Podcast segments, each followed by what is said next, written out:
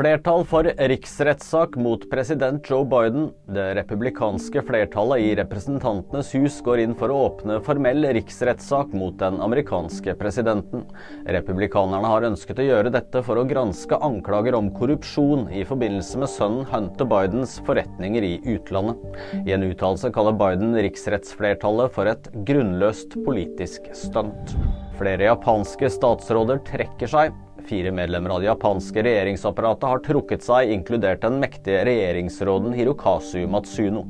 Bakteppet er en omfattende bestikkelsessak, skriver NTB.